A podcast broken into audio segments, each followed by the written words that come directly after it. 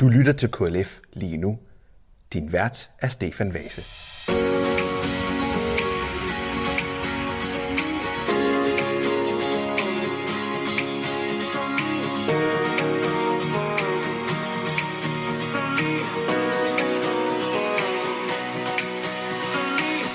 Velkommen til KLF lige nu.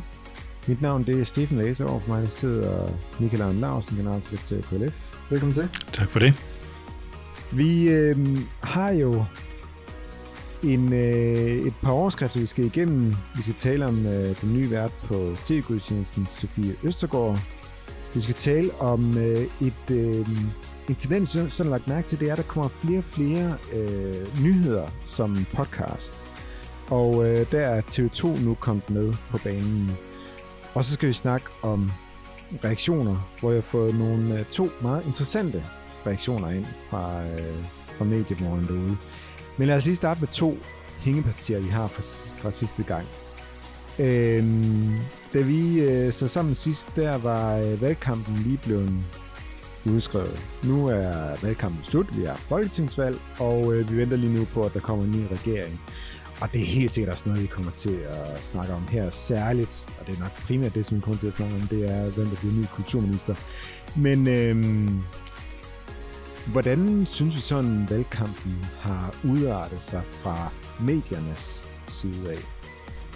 Man kan sige, at vi har jo faktisk lige været til et dialogmøde hos Danmarks Radio, og mens vi sidder her, så venter vi på, at vi har et dialogmøde med TV2, hvor vi drøfter valgkampen, og det gør vi som regel, når der har været de her store begivenheder, øh, som har haft meget bred folkelig interesse, altså som for eksempel en valgkamp. Det, det går de fleste jo op i. Øh, og så er det som regel et, et fast punkt, når vi har de efterfølgende dialogmøder, og det har vi altså haft med Danmarks Radio. Øh, og derfor har vi jo også lige været omkring rigtig mange ting i forhold til netop Danmarks Radios dækning. Så det er det, jeg vil fokusere på i det her program. Så kan det være, nu ser vi, om vi når at vende tilbage til reaktionerne fra TV2. Det kommer lidt an på, hvad, om der er noget særligt, vi sådan skal bemærke der. Men grundlæggende så øh, sidder vi nok tilbage med en oplevelse af, at valgkampen blev sådan, nu, nu taler vi sådan på det meget overordnede plan, dækket rigtig fint. Øh, der var stof nok at tage fat på. Øh, det blev udfoldet i mange forskellige formater. Øh, så jeg tror, de fleste danskere sidder tilbage med en følelse af, at de har fået nogle gode øh, udsendelser, både i radio og på tv, omkring det her valg. Mm. Det er sådan den overordnede generelle betragtning. Mm. Og så er der jo altid hår i suppen mm. Mm. Øh, et eller andet sted. Øh, og det havde vi selvfølgelig også især øh, en snak med Danmarks Radio om. Mm. Øh, jeg vil lige starte på, på sådan det helt overordnede plan, ja. som jeg egentlig også synes er, er, er væsentligt at huske. Altså, altså vi, vi, har, vi har haft snakket om, om, om i, i vores lille frokoststue, at hvis man har fulgt nogenlunde med, altså så burde man egentlig ikke gå ind i en stemmeboks og tænke, jeg aner ikke, hvad jeg skal stemme Nej. på. Er det ikke også din, din Ja, det er også min oplevelse. Ja. ja, ja. Det er det. Øhm, og hvad er det så for nogle hår i suppen? Inden jeg måske lige siger noget om hårene i suppen, så vil jeg sige, noget af det, vi faktisk havde en del snak med Danmarks Radio om, det var den her, øh, både øh, mød partierne, som de laver, hvor øh, Kåre Kvist møder en partileder ad gangen og har tid til en lille snak med dem. Det var vi faktisk meget positive overfor. Det giver en ro, man, man kommer ud af det her rum, hvor der er diskussion øh, med andre partiledere. Så det var en af de ting, vi fremhævede som noget positivt.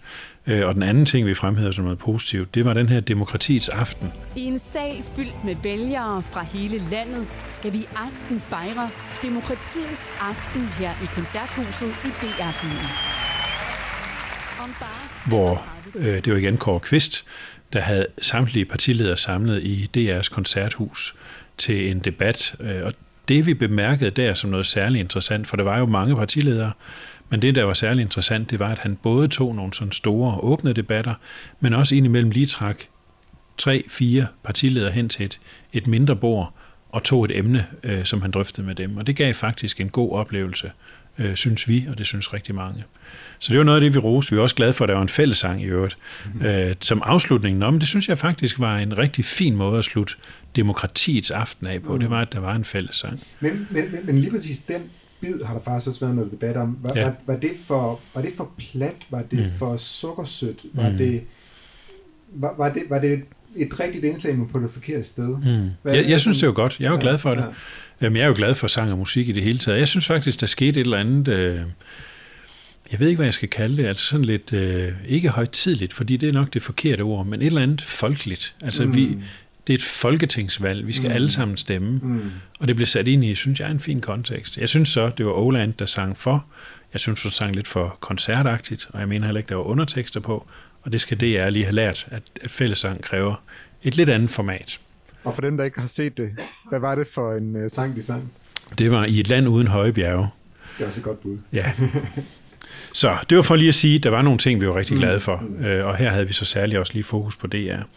Så var der nogle ting, vi diskuterede med dem i går på, på det møde, vi havde, og det var blandt andet det her fokus på, at man vi oplever, at rigtig mange, og her er det måske mere generelt kritik end DR-kritik, men vi oplever rigtig mange af medierne og journalisterne har meget fokus på det her, den her bogstavleg. Hvem kan tælle til 90 mandater? Er det A, er det C, er det K og så videre? Alle de der partibogstaver, der fyrer rundt. Øh, og der savner vi måske i virkeligheden lidt mere øh, fokus på, på øh, ideologierne. Altså, jamen, hvad vil det sige, hvis det er en borgerlig regering, der kommer til at lede Danmark? Hvad, hvad er det så for en retning? Hvad, hvad forskel gør det? Eller hvis det er en socialdemokratisk regering alene, eller hvis det er en rød regering, eller en, en regering hen over midten. Alle de her bogstaver, det er jo sjovt at lege med dem, og det er meget enkelt. Det er også meget enkel formidling. Men der savner vi lidt mere substans, altså at man får øh, lige et spadestik dybere og kan mærke efter, når okay, det er faktisk ikke helt lige meget, hvordan de her bogstaver de bliver sammensat. Øh, så, så det var en af de ting, vi havde op at vende i forhold til, til dækningen sådan helt generelt. Øh, hvem bliver statsminister, det er selvfølgelig interessant, men i virkeligheden, hvad er det for en politik, vi bliver, hvad skal man sige, udsat for bagefter, mm. er måske langt mere interessant. Ja. Og nu nævner så lige det her med, det her med statsministerne. Altså, der, altså, vi har jo ofte snakket om, altså vi har jo ikke præsidentvalg i Danmark, men der er medierne meget hurtigt til at gå ned ad den vej. Ja. Men det er også noget, vi har vendt med, med det her. Ja, det gjorde vi med to vinkler. Altså for det første det her med fokus på personer. Øh, der har jo også været andre sådan meget, meget fremtrædende øh, personligheder i den her valgkamp. Og der er en tendens til, at de personer, der, hvad skal man sige, er mest, jeg vil ikke bruge ordet interessante, men så i hvert fald gør sig mest til, øh, også får rigtig meget taletid. Og, og det er, synes jeg, problematisk. Altså, øh, det er den ene ting. Den anden ting omkring det der med statsministerkandidaterne, det er sådan en oplevelse, vi har af, at medierne faktisk blev nærmest sådan lidt ærgerlige over, at der kom en tredje statsministerkandidat, for det passede ikke ind i deres formater. De er vant til at lave sådan en rød-blå øh, konfrontation mellem to, og nu var der tre, og det kunne de ikke forholde sig til.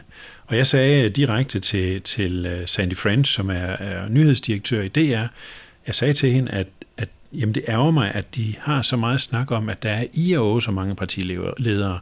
14 forskellige partier. Det har vi hørt dem ikke klage over, men så måske i hvert fald sukke lidt over nogle gange, at åh, det bliver så stor en debat. Og, og der er tre statsministerkandidater. Og jeg, jeg brugte et godt citat, som jeg egentlig synes, man kan bruge lige netop i den her sammenhæng. Øh, nemlig citatet, øh, lev med det. og det er fordi, jeg har en, en jeg, jeg, jeg, jeg, synes, jeg er meget udfordret af, at medierne virkelig sådan hele tiden forsøger at iscenesætte nyhederne. Det er jo mm. nyheder. En valgkamp er også nyheder. Mm. Og medierne vil meget gerne styre formatet. De vil meget mm. gerne bestemme, at vi skal bruge jer øh, tirsdag aften til den her debat, og den skal køre sådan her. Det er de her emner, vi har valgt.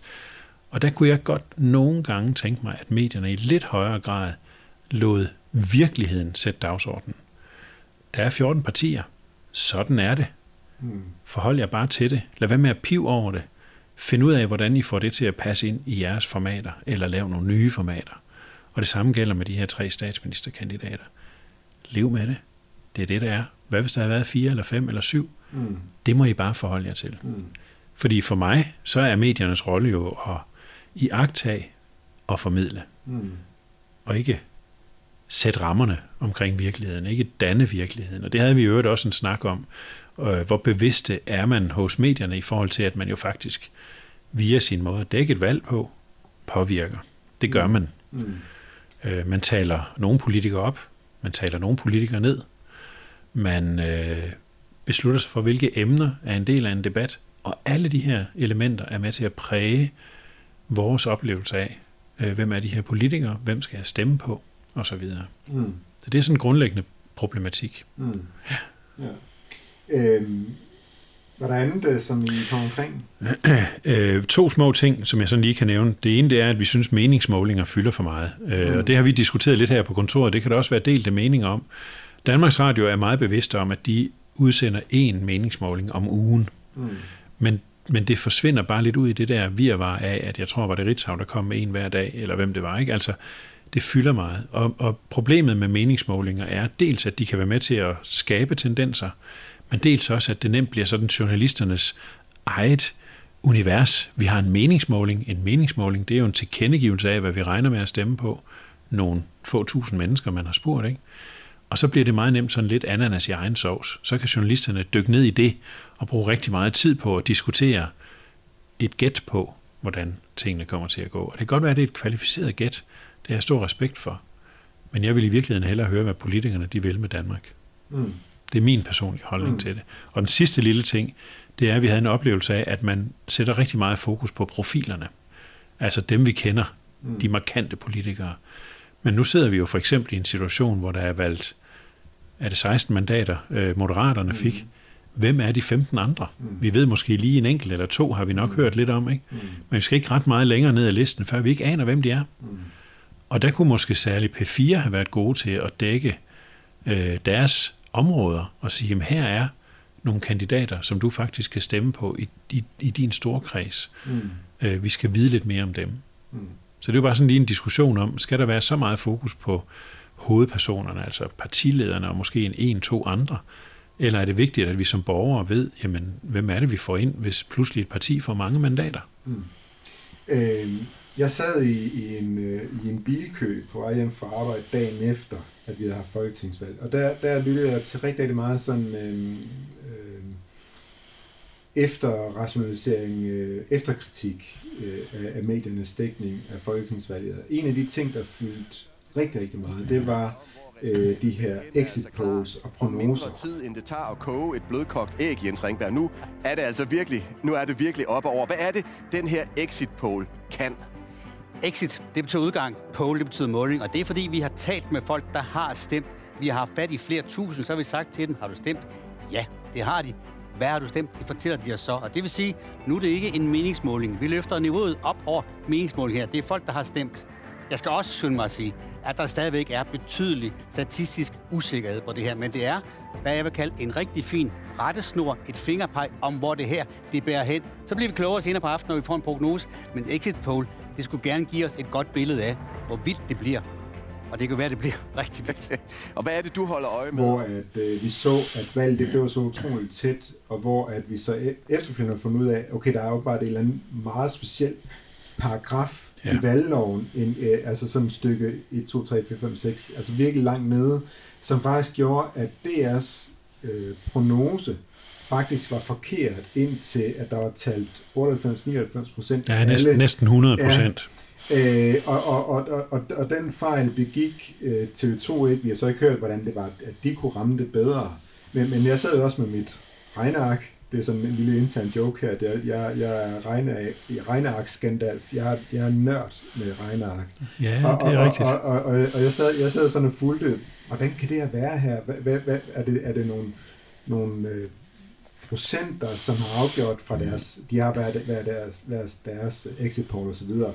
Men lige præcis den del viser jo faktisk at være temmelig afgørende, at DR's øh, prognose skød så meget forkert, at Lars Løkke han var oppe på et tidspunkt at holde en tale om, at nu er det moderaterne, underforstået, at det var moderaterne, der ligesom skulle, skulle, øh, skulle bestemme, hvordan det var, at, at, øh, at hvem der skulle være landets mhm. nye statsminister og sådan noget, og at nøglerne til statsministeriet skulle afleveres, og alt det der. Altså, lige præcis den del, hvor at medierne, som du sagde før, at diskussionen om, påvirker medierne virkeligheden, der kan man sige, det var meget tydeligt, at DR påvirkede virkeligheden med noget, der faktisk var forkert.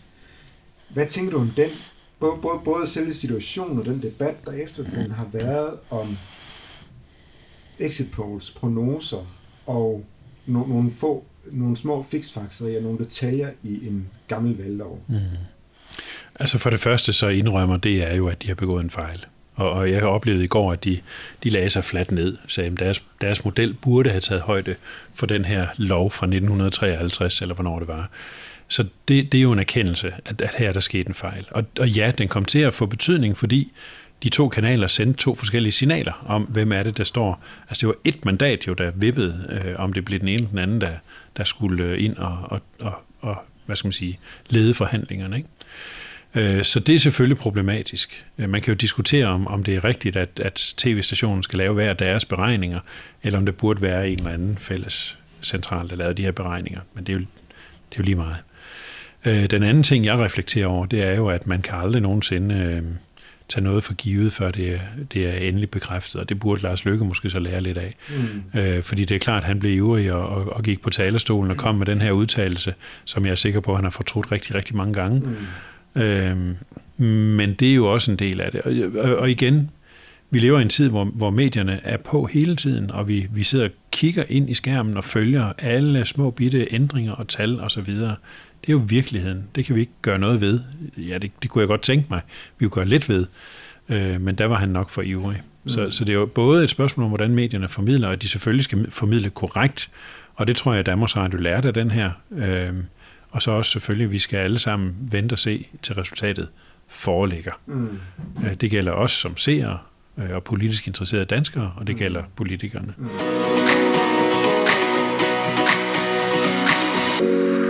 Vi har et hængeparti, som øh, vi, vi efterlod lytterne sådan lidt med sådan et, øh, et åbent spørgsmål fra sidste gang. Sidste gang, der, der brugte jeg rigtig meget tid på at tale om en, en, en, en explainer, nu skal vi have vendt uh, tungen rigtigt, om en explainer om, uh, om kvindelige præster, hvor at vi sådan vurderer, sådan, for at tale sådan helt i overskriftsform, at det er både vildledte og manipuleret med øh, befolkningen i forhold til, hvad er det for nogle positioner, der er, når det gælder øh, kvindelige præster. Og det vi sagde som, som afslutning sidste gang, øh, det var, at øh, vi havde forsøgt at få en dialog med DR, det har vist sig at være rigtig, rigtig svært. Nu har du så været til et møde med DR, øh, og hvordan øh, spændte det øh, møde af? Hvordan, hvordan gik det? Jamen, jeg synes egentlig, øh, det var godt at få det møde. Det var et møde med en fra direktionen og en, en ledende medarbejder fra nyhedsafdelingen, øh, som er overordnet ansvarlig for netop sådan noget som de her små explainer-videoer. Øh, og vi brugte lidt tid på lige at tale os ind på hinanden. Hvad var det egentlig, vores problem med explaineren var? Og det fik jeg fremlagt. Øh, og så havde vi faktisk en god dialog om det. Øh, og, jeg, og jeg oplever også, at Danmarks Radio forstår vores forstår, hvad det er for en problematik, vi ser. Så hele den der idé om, at det var ensidigt, og der var kun én person, en ekspert, som, som man kan kalde eller, eller måske lidt med citationstegn, og ikke en, en, et modargument, ikke en, der fik lov til at tale den modsatte sag, øh, det anerkender de. Øh, så man kan sige, det var nok så tæt, vi kunne komme på en, en, en hederlig undskyldning. Øh, men det er klart, det er noget, vi bliver nødt til at følge med i, fordi, og, og, og man kan sige, vi ser jo ikke alle explainer og andre små ting, som, som Danmarks Radio laver. Men når det så er noget, der handler om kirke og kristendom og tro, så er vi bare meget opmærksomme, og så skal vi tage den her diskussion igen, hvis det bliver nødvendigt. Så jeg synes, vi fik den lagt ned på en fornuftig måde. Jeg synes både øh, den ene og den anden DR-medarbejder, som sad over for mig til det her møde, var forstående øh, og anerkendte vores kritik. Og det var egentlig formålet med mødet, kan man sige. Det er i hvert fald at få en anerkendelse af, at, at vores kritik ikke er uberettiget. Så, så på en måde en, en god afslutning. Mm. Jeg synes måske, hvis jeg skal igen, nu tale vi lige før om, om det sådan perfekte scenarie, jeg synes, det skulle have gået hurtigere, jeg synes, den skulle være fjernet, mm. eller redigeret om, eller hvad ved jeg, altså mm. det burde den være, mm. når kritikken kommer, mm. fordi kritikken var meget markant. Mm. Ja, jeg, jeg, jeg synes jo også, altså det er ikke fordi, vi skal sidde og anmelde os selv, men jeg synes faktisk egentlig også, altså markit, øh, kritikken var jo egentlig også grundig. Altså, altså Absolut. Vi, vi, vi, vi gennemgik jo virkelig den her, den her eksperiment meget minutiøst. Øh, og, og, og jeg synes jo også, at, at, altså, at det er måske sådan, øh, måske undskyld sig på et, på et meget forfejlet grundlag, fordi I sagde jo, at altså, hele vores dækning har, har mm. været afbalanceret. Det vil jeg give den ret i, den har været meget afbalanceret. Mm. Øh, det, det er svært at sætte en finger på den, men det der er problemet, det er, at, at de sender jo explaineren ud og siger, den her, den kan stå alene. Hvis du Præcis. læser den, den her nyhed her, så, så, så se den her explainer her, fordi så forstår du hele, hele debatten. Øhm, så, så man kan sige, altså lige præcis den del, fornemmede du, at DR forstod det? Ja, det gjorde jeg. Altså, det var en væsentlig del af kritikken. Det var jo, at, og, og vi, havde, vi var også omkring det her med, at en generelt god dækning, jamen det var det egentlig. Men lige netop som du siger, explaineren, den er tænkt til at stå alene, og derfor skal den være vel afbalanceret i forhold til det emne, man tager op. Og det synes jeg, de anerkendt, at det, det er sådan set en rigtig forudsætning.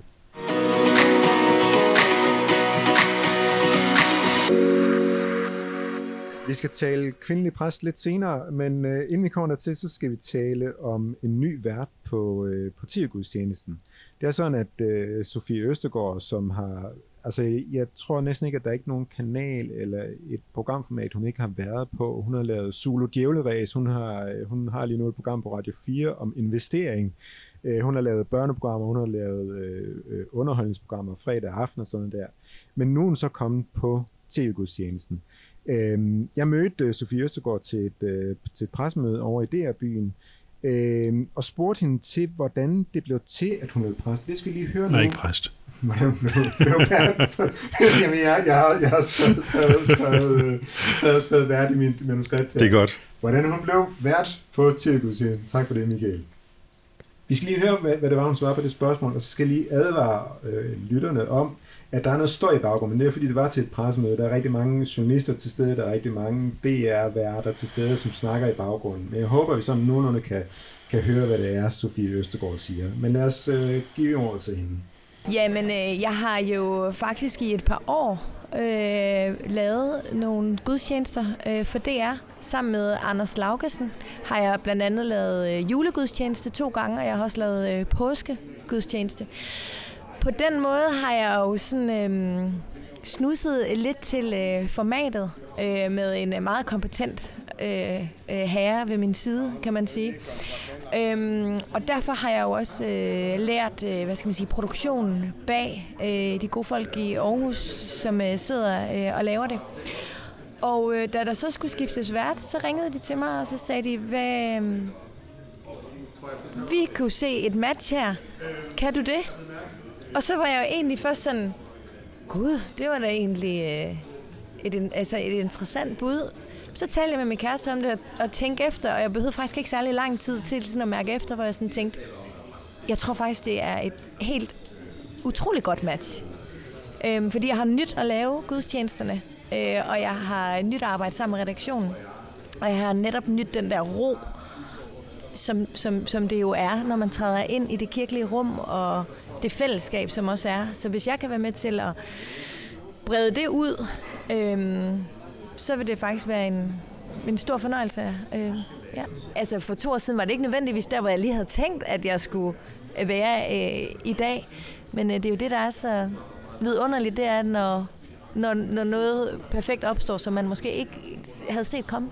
Det er faktisk en, en stor ære, altså at få lov til at formidle det her stofområde, som er så vigtigt øh, for DR, og, og jo også så vigtigt for der, hvor vi altså, stammer fra. Altså det er jo en af grundstenene i, i vores samfund.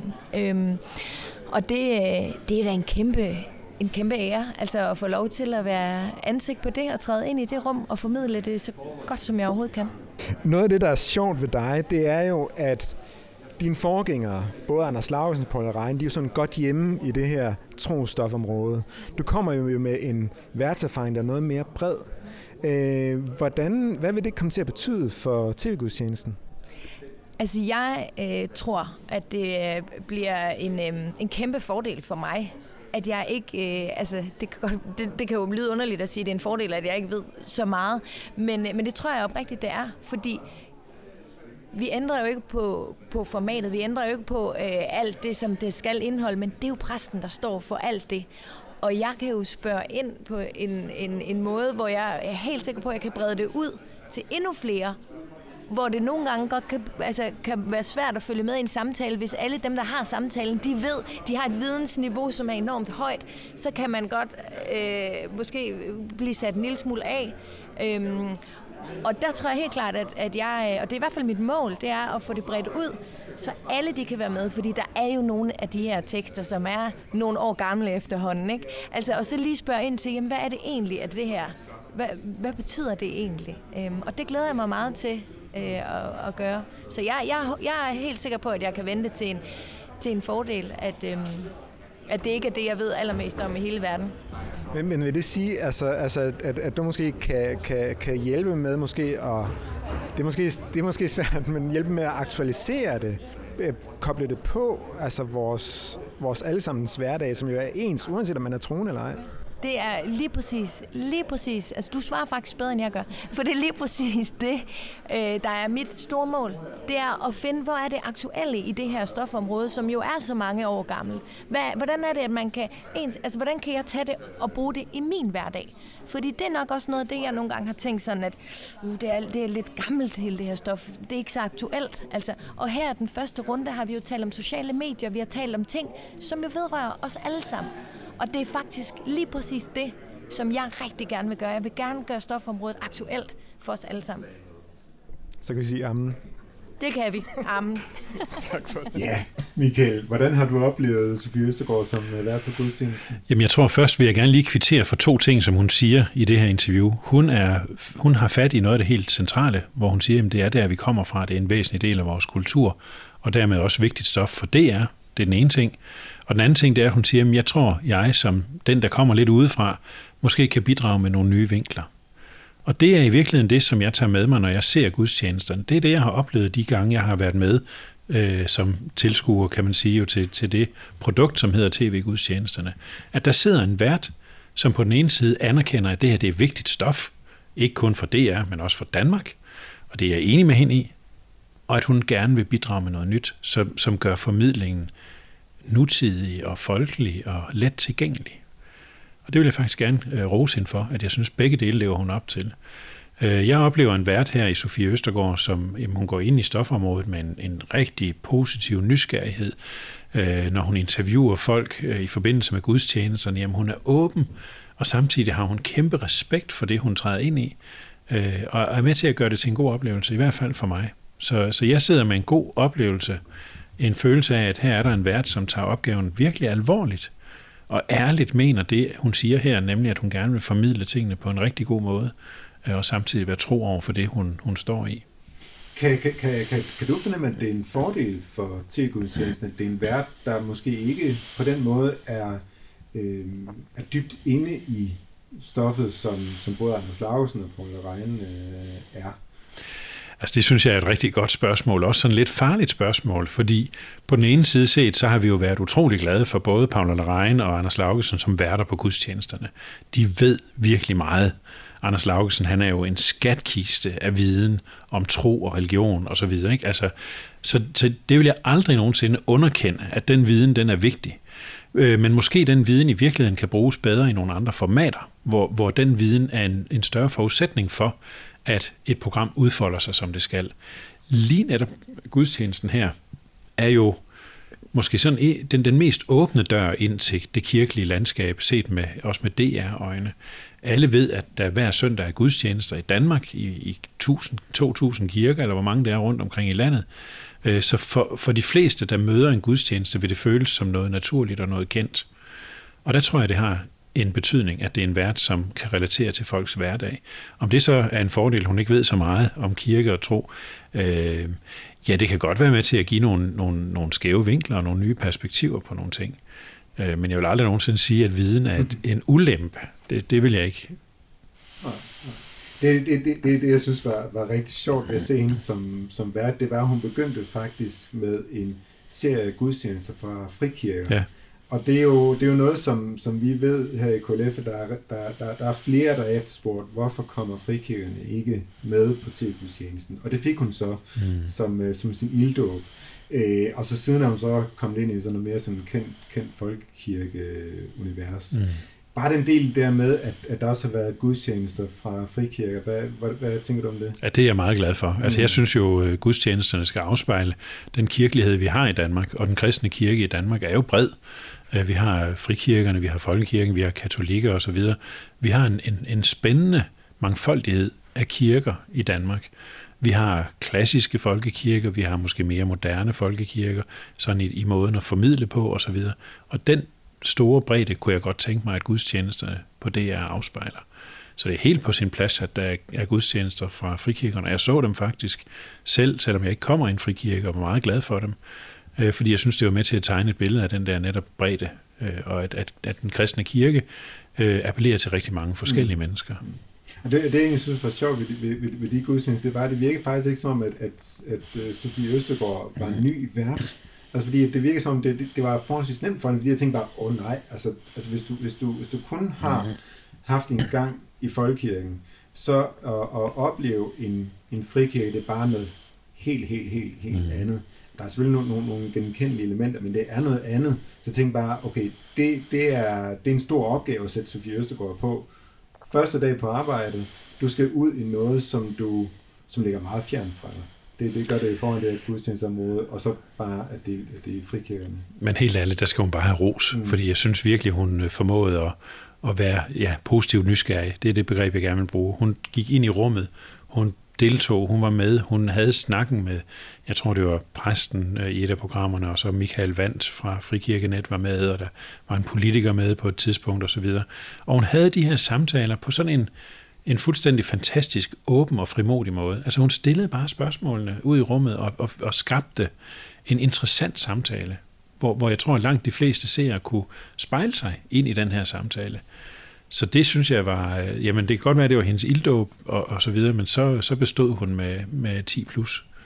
Og, og, og kan vi se, at vi Østergaard være vært på, på TV-gudstjenesten fortsat igennem flere år? Ja, det håber jeg. Altså, jeg håber virkelig, hun har mod på det. Jeg synes allerede også i det interview, du havde med hende, inden hun trådte ind i den her rolle, der stråler der jo en energi og en begejstring ud af hende. Og, og også en respekt for det her område. Ikke? Mm. Det håber jeg. Jeg håber, hun vil blive ved i rigtig mange år og bevare sin positive nysgerrighed og begejstring og, og hvad skal man sige, sådan en meget charmerende og ligefrem måde at gå ind i stofområdet på. Jamen lad os sige ammen til det.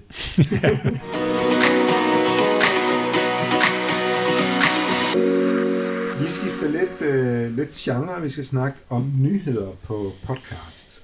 Øh, og det er jo fordi, at jeg sådan har, har jagtet, at der er, sådan, øh, altså der, der er flere og flere øh, formater, der er flere og flere nyheder, der bliver formidlet i podcast-universet.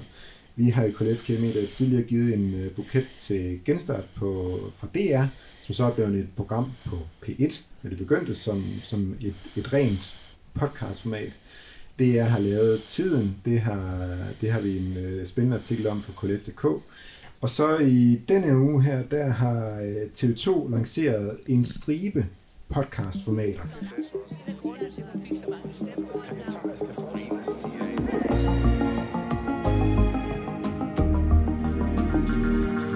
Vi sætter nyhedsstrømmen på pause og zoomer hver dag ind på en vigtig historie, som du kan tage med ud i verden. Mit navn er Thomas Bug Andersen, og du lytter til Dato, TV2's daglige nyhedspodcast. De to, som jeg sådan vil, vil primært fokusere på, det er det, der hedder Dato, øh, som øh, Thomas Bug Andersen er vært på. Han har tidligere været på, på P1, været vært på øh, Detektor. Og så korrespondenterne, hvor at vi, vi får lov til at høre lidt, længere, lidt mere fra, fra korrespondenternes øh, liv og verden osv. Øh, Dato er i optagende stund, kan man sige, kun udkommet i to episoder, og korrespondenten er ikke udkommet endnu. Det, det, det, grunden til, at jeg tager det op her, det er dels for lige at gøre opmærksom på, at det findes, men også, også ligesom, øh, hvorfor er det, at... Altså, jo, jeg forstår godt, hvorfor det er, at DR laver de her, de her podcast her. Men hvorfor er det, at TV2 laver sådan en podcast? Har du et bud på det? Jeg tror, det er fordi, at podcast generelt er ved at blive et meget anerkendt medie, og jeg må jo selv erkende, at jeg var kritisk øh, for ikke så længe siden i forhold til formatet, øh, fordi jeg havde svært ved at se, at det skulle kunne give mig noget, som, som Flow Radio ikke kunne. Øh, men podcast, måske bare lige for at forklare det sådan meget enkelt, det er jo streaming i lyd. Altså det er jo, det er jo forskudt lytning, øh, hvor, hvor øh, streaming tjenesterne, Netflix og alle de andre, det er forskudt sening. Øh, så her går man egentlig ind og tilbyder det moderne menneske en adgang til noget indhold, som man kan tage, når man vil have det. Og det forstår jeg godt er interessant. Øh, Noget af det, som øh, podcasten også kan, det er, at den er fri af formater. Forstået på den måde, at hvis en udsendelse tager øh, 27 minutter, så gør den det, øh, og en anden tager måske 34, jamen så gør den det. Den skal ikke passe ind i en sendeplan på samme måde. Og derfor er det jo lidt interessant, når så for eksempel Genstart rykker ind på P1. Hvad er det så for nogle nye hvad skal man sige, begrænsninger formatet møder, og det har vi også haft en snak med dem om, at ja, det er klart, det begrænser jo så lidt. Men, men grundlæggende så ser jeg podcast, det, det, det er sådan originale podcastformat som et lidt mere frit format.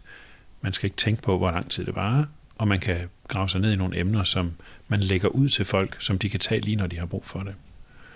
Og så kan man sige, det, det, det der er interessant, når, når TV2 laver en podcast, det de, de havde også, altså for hvis vi skruer sådan tiden 10-15 år tilbage, så var der rigtig mange programmer, der udkom, også som podcast. Altså almindelige tv og der udkom som podcast. Det kunne så være en lydpodcast eller en videopodcast. Man kunne få TV2-nyhederne som podcast. Man kunne få Natholdet som podcast. Mm. Altså TV2 lagde en masse formater ud som podcast. Bare hent det. Øh, så ved jeg ikke, om det er fordi, at, at, at så begyndte øh, TV2 Play, altså øh, TV2 streamingtjenester, fungerer godt. Jamen så, så trak TV2 faktisk alle deres podcast tilbage. Så var der ikke nogen podcast tilbage overhovedet. Øh, og nu begynder de så faktisk at lægge noget lyd ud. Det er jo egentlig slet ikke nej, det format. Nej, det, det er meget besø- øh, på den måde besynderligt. Ikke? Ja, ja. ja. Øhm, men, men, men, men, men altså, vi ved jo også, at altså, TV2 gør jo forskellige tiltag for at få fat i nogle nye øh, mediebrugere. Mm. Så, så man kan sige, skal, skal, skal TV2's podcasts nye podcast så ses ind i den sammenhæng? Jamen, altså jeg tror jo et eller andet sted, at TV2 jo stærk på nyheder. Det har de altid været, det vil de gerne være. Og derfor tror jeg egentlig ikke, de kan ignorere det her format. Øh, jeg tror, der er mange, der for eksempel i, i transport øh, lytter til podcast, når de sidder i toget eller i bilen. Øh, og der kan man jo på, ikke på samme måde sidde og se tv. Øh, så jeg tror egentlig, det er relevant at sige, at hov, TV2 er stærke på nyheder. Vi bliver nødt til at komme ud i det her format, øh, som folk er glade for, og, og på den måde kan man egentlig gøre TV2 relevant på en helt ny måde. Så jeg tænker også, det kan være en indgang til andet TV2-indhold, hvis man møder TV2 via den player, man nu engang har til, til sin podcast. Mm. Og så er vi også i, i, i, den, i den situation, og, og, og det tror jeg, det, det, det er en udfordring, som mange medier har. Hvordan får I, fat, for, får I fat i nogle yngre mm. mediebrugere? Og der, og der har TV2 et format, der hedder TV2 Echo, som lægges ud på Facebook og YouTube og TikTok og hvad det ellers hedder, alle de her sociale ja. medier, for nemlig at sige, jamen det er, det, det er ikke noget, som man nødvendigvis skal finde ind i vores eget univers. Vi finder det i det, i det univers, som yngre mediebrugere benytter sig af. Ja. Og der tænker jeg også, altså et program som, eller et podcastformat, det er ikke et program, mm. et podcastformat, dato, korrespondenterne, det er jo nok også en måde at sige, jamen, vi ved godt, at det er svært måske at få fat i en given målgruppe, altså det her tænker jeg så måske de 30-40-årige, hvordan får fat i dem, altså det er måske ikke dem, der vil starte med at sige, jamen vi kører der mange på TV2 Play, jamen så kunne det være, at en podcast var en måde for dem at sige, jamen der er faktisk en nyhedsformidling her, der er relevant, det vil jeg gerne bruge tid på. Ja, det tror jeg, jeg er meget enig med dig. Det, jeg tror, det er, det er specielt den lidt yngre målgruppe, man i hvert fald kan nå ud til med stof, som de ellers ikke ville have fået. Mm. Og det, det, det, det er også det, som, som vi har kunne forstå på, på Genstart. Altså Genstart er lykkes med at få nyhedsformidling ud til, til, til folk, der ellers ikke brugt DR. Og det er vel noget, vi egentlig er positive over for, at service kommer ud til flere. Ja, ja både, både det, at det kommer ud til flere, men også, at vi øh, vender os til at høre sådan lidt mere øh, grundige nyhedsformater. Det er jo noget af det, vi belønnede Genstart og i den forbindelse også Kernen, som jo er en, et, et tv-nyhedsformat, øh, eller et, et streaming-nyhedsformat oprindeligt. Ikke? Øh, fordi vi gerne vil, at folk de får lov til at grave sig lidt længere ned i materien, og ikke kun snapper de hurtige overskrifter, men, men har tid til, jeg tror genstart var, hvad er det, 25 minutter eller sådan noget i den stil, øh, hvor man får lov til at beskæftige sig med et emne grundigt. Og det vil vi gerne være med til at fremme. Det tror vi på, det er med til at give en, en, en god, hvad skal vi kalde det, dannelse.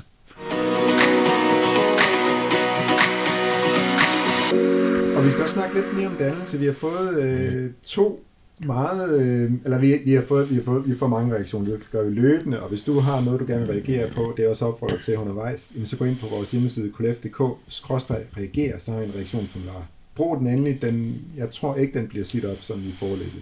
Så og den er meget nem at bruge. Den er meget nem at bruge. Den er meget nem at bruge. Du skriver et program, du skriver, hvad du synes om det, og så er det. Det, det er så nemt. Øhm, der er to, øh, man kan godt kalde det to smalle formater, som har fået øh, noget ros inden for, øh, altså siden vi, vi sendte sidste gang, siden vi optog sidste gang. Det ene det er et øh, program, der hedder Præst søger paradis fra DR2. Langt ude i Kattegat, en time fra fastlandet, ligger den lille ø Sejrø. Der bor 350 mennesker på øen, og de fleste af dem er pensionister. De kommer hinanden ved og hver søndag går de i kirke. Sejrøbroerne er et venligt folkefærd. Også selvom det bliver fortalt, at de engang i tidernes morgen var så utilfredse med præsten på øen, at de satte ild til præstegården og var skyld i, at han druknede.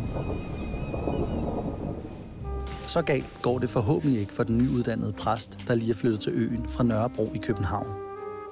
på trods af, at hun har tænkt sig at snakke om både klima, feminisme og andre moderne ting fra prædikestolen.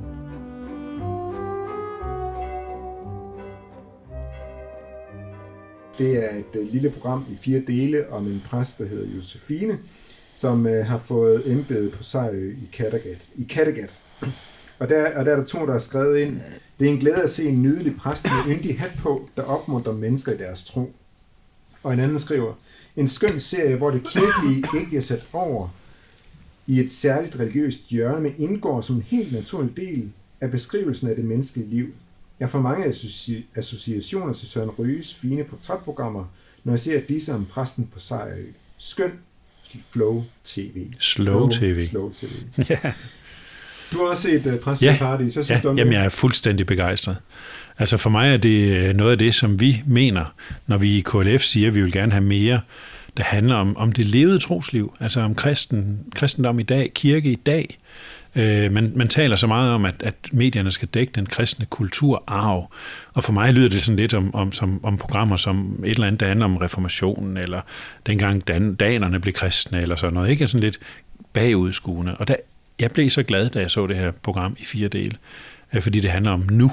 Det handler om mennesker i dag. Det handler om ja, en, en ung præst, som skal prøve kræfter med en, et lidt specielt sovn, kan man godt sige. Ikke? Mm. Og, og, og hendes måde at gribe sagen an på, og hendes frimodighed, og ja, gå på mod og alt muligt andet. Så jeg, jeg var fuldstændig grebet. Jeg var næsten rørt af at se de her fire små programmer. Ja. Ja, ja, ja, jeg, må, jeg må synes, at jeg var lidt skeptisk, da, jeg så det første program, og det var mest sådan de første fem minutter, hvor jeg tænkte, at det her et forsøg på sådan at tegne sådan lidt sådan karikeret, ekstremt billede, fordi det er et ekstremt, en ekstrem, et ekstremt sovn, hun er i. Det, det er en ø midt ude i Kattegat. Der, der, der er en time til Sjælland øh, med, med, med en færge, så det er en meget speciel, øh, en speciel præstestilling, hun har fået. Det, det, det, er, det er alt overvejende pensionister, der bor på Sejrø.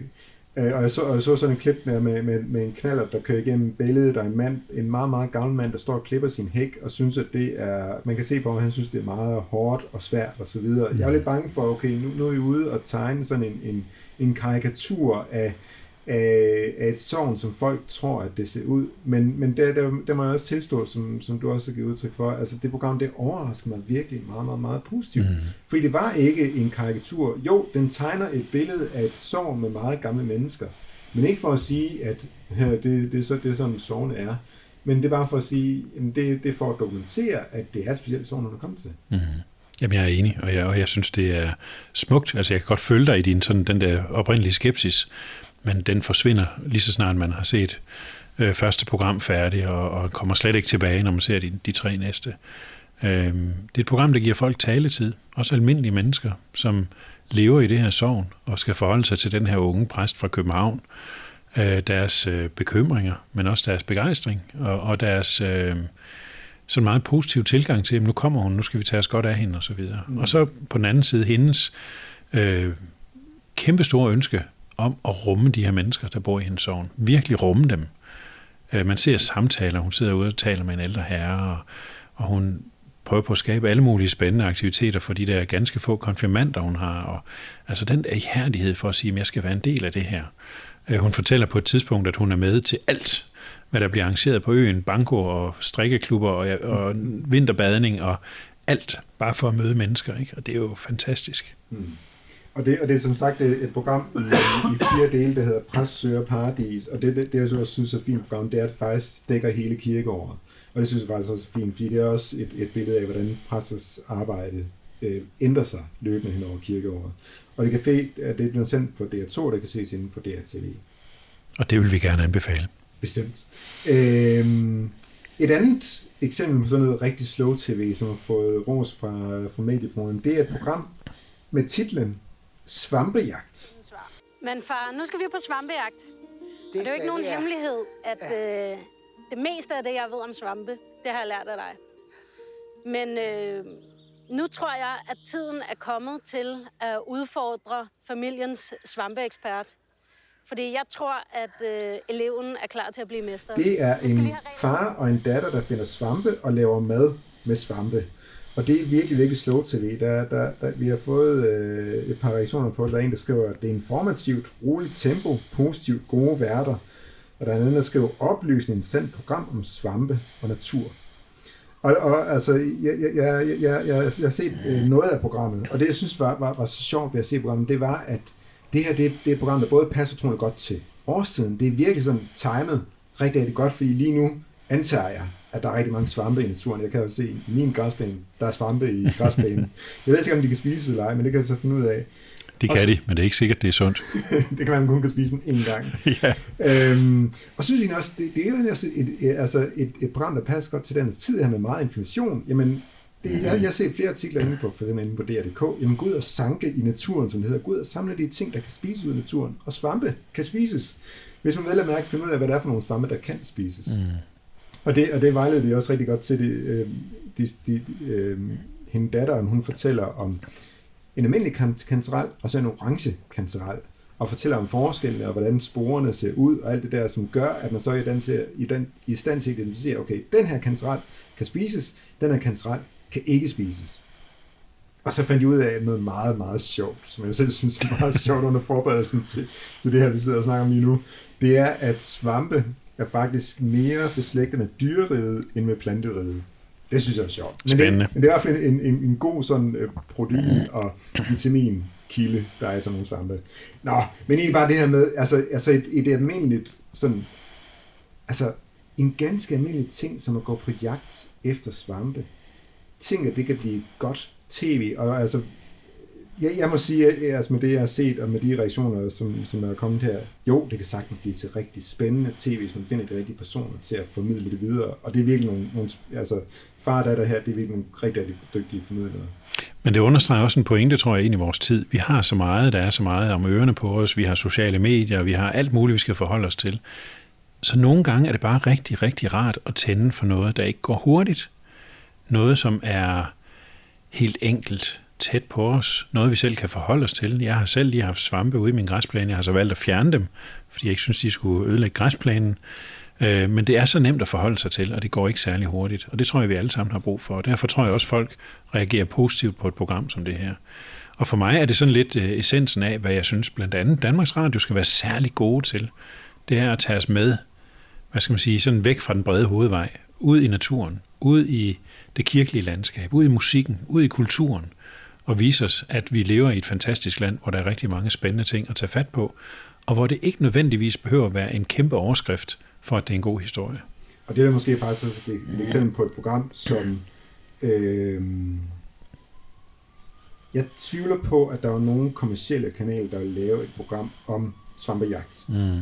Eller præsten, søger, der ja. søger paradis. Ja. Ikke? Altså, det er to rigtig gode eksempler på, hvor netop vores fælles eget public service kanal, Danmarks Radio, kan gøre noget særligt. Jeg tror, vi skal sige jamen til det også. Og det så øh, tusind tak for din tid. Vi har været vidt omkring, og det kommer vi helt sikkert også næste gang. Som sagt, send en reaktion ind til os. Det er også noget af det, som gør, altså vi tager, vi tager, vi tager altid reaktioner med i vores, øh, i vores lille program KLF lige nu. Så send reaktioner ind til os, klf.dk-reager. Hvis der er noget, du synes, at vi skal snakke om i podcasten, så send os en mail på hej Michael, tusind tak for din tid. Det var en fornøjelse. Og vi høres ved. Lyt til flere podcasts fra KLF på lytklf.dk. Har du lyst til at deltage i debatten om medierne, kan du følge os på Facebook. Du kan også reagere på programmer fra radio og tv på vores hjemmeside klf.dk.